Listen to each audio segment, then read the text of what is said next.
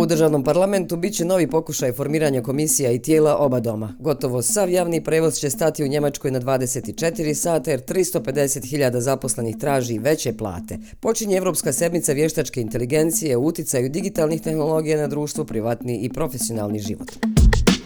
Ćao, ja sam Lejla Omerege-Ćatić, nisam proročica, nego je to između ostalog najavljeno za danas. Ovo je podcast Šta ima za 27. mart. One, two, three, Dan je duži jer je počelo ljetno računanje vremena, a uz novo vrijeme novi su i termini za jeftinu i skuplju struju, bar za one koji su na elektroprivredi BiH, pa kod njih na stranici nađite tačne termine. A kad pominjem energetiku, danas ćemo saznati gdje je Bosna i Hercegovina kada je u pitanju realizacija ugovora o energetskoj zajednici, a to je mnogo važno.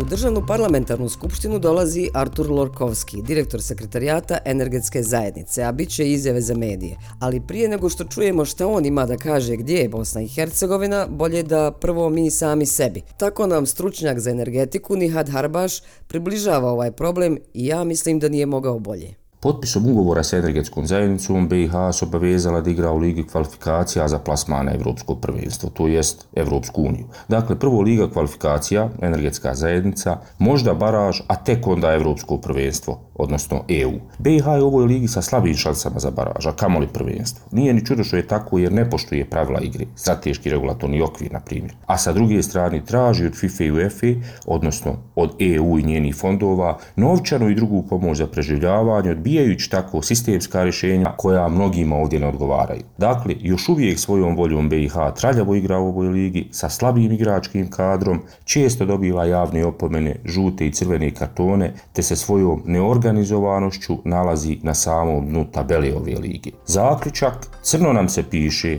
ispas nećemo, baražu se nadamo, evropsko prvenstvo sanjamo. Jer ne možeš 2005. godine potpisati ugovor za Real Madrid, a onda se skoro 20 godina ponašati kao da igraš za, za domaći klub, svejedno je svakako koji.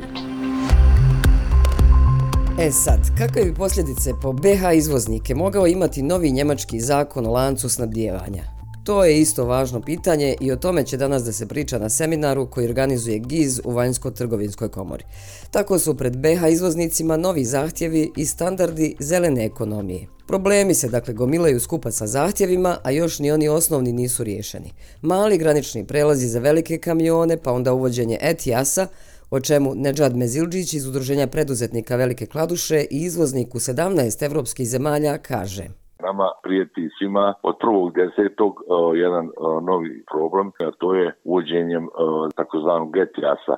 To ćemo mi osjetiti na sljedeći način, a to je da će naši vozači morati u roku od 180 dana u stvari moći boraviti svega 90 dana u Europskoj uniji. To će značiti da ćemo mi u kratkom roku nakon toga ostati bez vozača.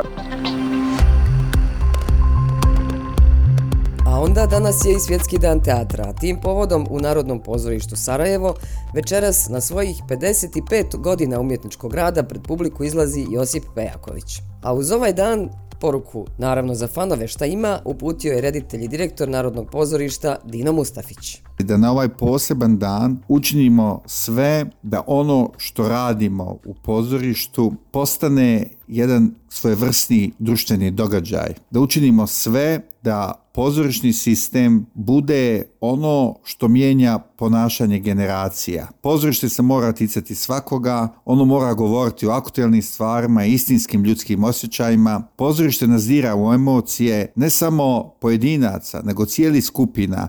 Sa tim osjećanjem želim da slavimo 27. mart kao jedan veliki praznik koji nas posjeća koliko nam je umjetnost neophodna i važna u životu.